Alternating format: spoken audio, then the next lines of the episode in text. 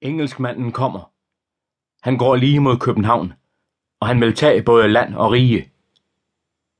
Råbet lød ud over hele landet. Ingen vidste, hvorfra det kom.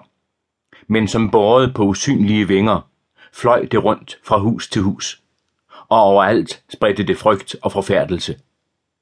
Også til Falster var angsten og uroen kommen, og alle gik om i den stærkeste spænding for, hvad der senere ville ske.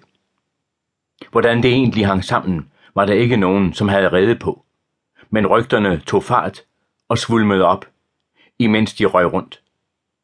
Mange vidste knap, om de turde fejre påsken, som snart stod for døren.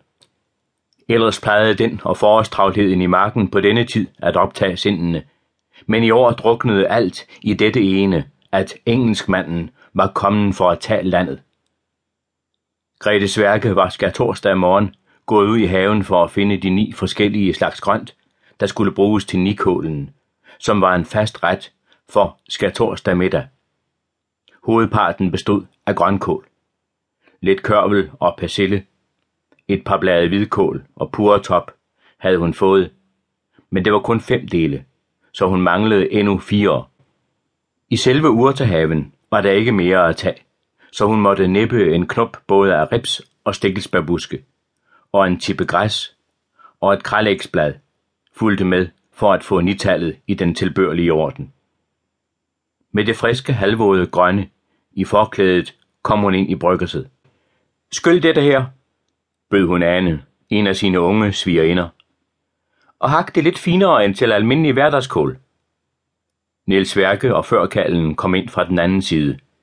De talte om landeværn og milits og forsvaret ude ved de hjemlige kyster og hvordan bønderne skulle bevæbnes med skyder og knibler og jernforke og forskellige andre ting, som de kunne forsvare sig med i tilfælde af, at fjenden kom i nærheden af Falster. Landeværnet og hvad ellers hørte soldatervæsenet til, plejede ikke at interessere Grete Sværke. Hun havde ingen, der skulle springe soldat, og hendes interesser strakte sig ikke stort ud over det, som angik hendes eget. Men i dag kunne hun ikke lade være at lytte til mandfolkenes ord. Der var alligevel noget særligt i dette, at engelskmanden gik imod København for at tage hele riget. Ingen kunne sige, hvorledes dette ville ende. Kanske han også kom her for at slå alle ihjel og brænde både huse og gårde af. Når der var krig, gik det jo forfærdeligt til. Og brand og plyndringer og alskens ulykker vidste hun fra de gamle beretninger var krigens følgesvende. Sammen med al uroen udefra kom også ængstelse for begge børnene, som en underartet kihoste rev og slid i, både dag og nat. Og selv ventede hun det tredje barn, hvad time det skulle være. Så der var mere end nok, som kunne stemme sindet tungt og fylde det med bange anelser. Hun kunne også høre den skrigende lyd af hosten, der plagede den lille Hans, og øjeblikkelig slap hun grydeskeen, hun stod med i hånden, og styrtede ind i stuen til ham. Drengen var faldet om på gulvet og slog krampagtigt om sig for at få luft.